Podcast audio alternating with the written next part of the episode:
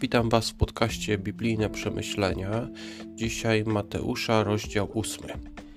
Y, mamy tutaj kolejne uzdrowienie trędowatego, uzdrowienie teściowej Szymona oraz okolicznych sąsiadów, a później także uzdrowienie sługi setnika. Wszystko to też opisuje Łukasz, a w większości także Marek. Później mamy krótki fragment Mateusza 8 rozdział, versety 19 do 22, który opisuje dwóch uczniów. Jeden chciał pójść za Jezusem, ale gdy ten go, ale ten go przestrzegł, że nie ma domu. Z kolei inny powiedział, że pójdzie za Jezusem, ale najpierw chciałby pochować swojego ojca. Łukasz w dziewiątym rozdziale opisuje to samo, ale Łukasz dodaje jeszcze jednego, trzeciego ucznia, który najpierw chciał się pożegnać ze swoją rodziną. Tutaj takie może porównanie Mateusza 8:21, a drugi z uczniów rzekł do niego: Panie, pozwól mi najpierw odejść i pogrzebać ojca mego. I Łukasza 9:59, do drugiego zaś rzekł: Pójdź za mną, a ten rzekł: Pozwól mi najpierw odejść i pogrzebać ojca mego.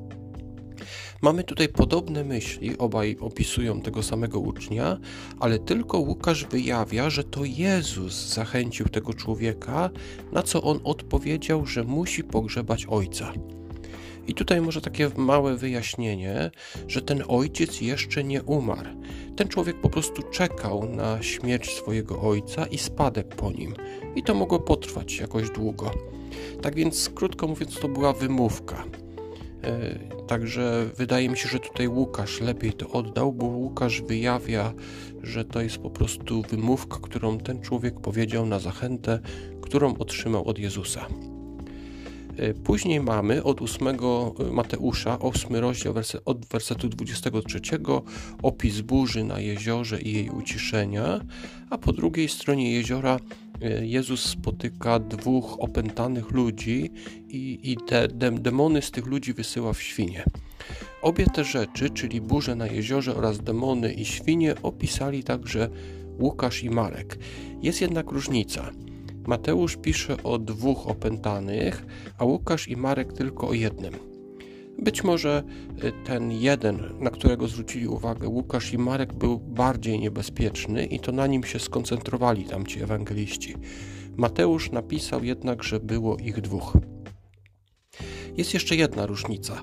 Mateusz nazywa tą krainę krainą Gadareńczyków, a Marek i Łukasz krainą Gerazeńczyków. Tutaj może zobaczmy takie porównanie.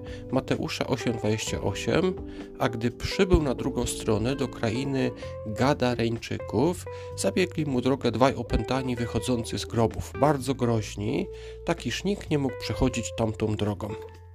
I teraz Marka, piąty rozdział, werset pierwszy. I przybył na drugi brzeg morza do krainy Gerazeńczyków. Mowa jest tutaj o dwóch takich miastach. Pierwsze, czyli Gadara, leżało dalej od jeziora, a drugie, Geraza, leżało przy jeziorze.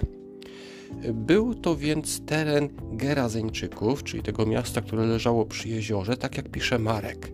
Ale ten teren należał do większego terenu podległego Gadarze, czyli określenia Mateusza, że jest to kraina y, Gadareńczyków, także jest poprawne.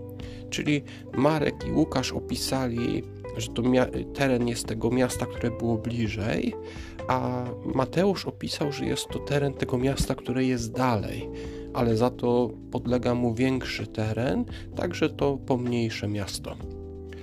E, na dzisiaj to wszystko. Jutro oczywiście kolejny rozdział Mateusza, rozdział 9. Do usłyszenia.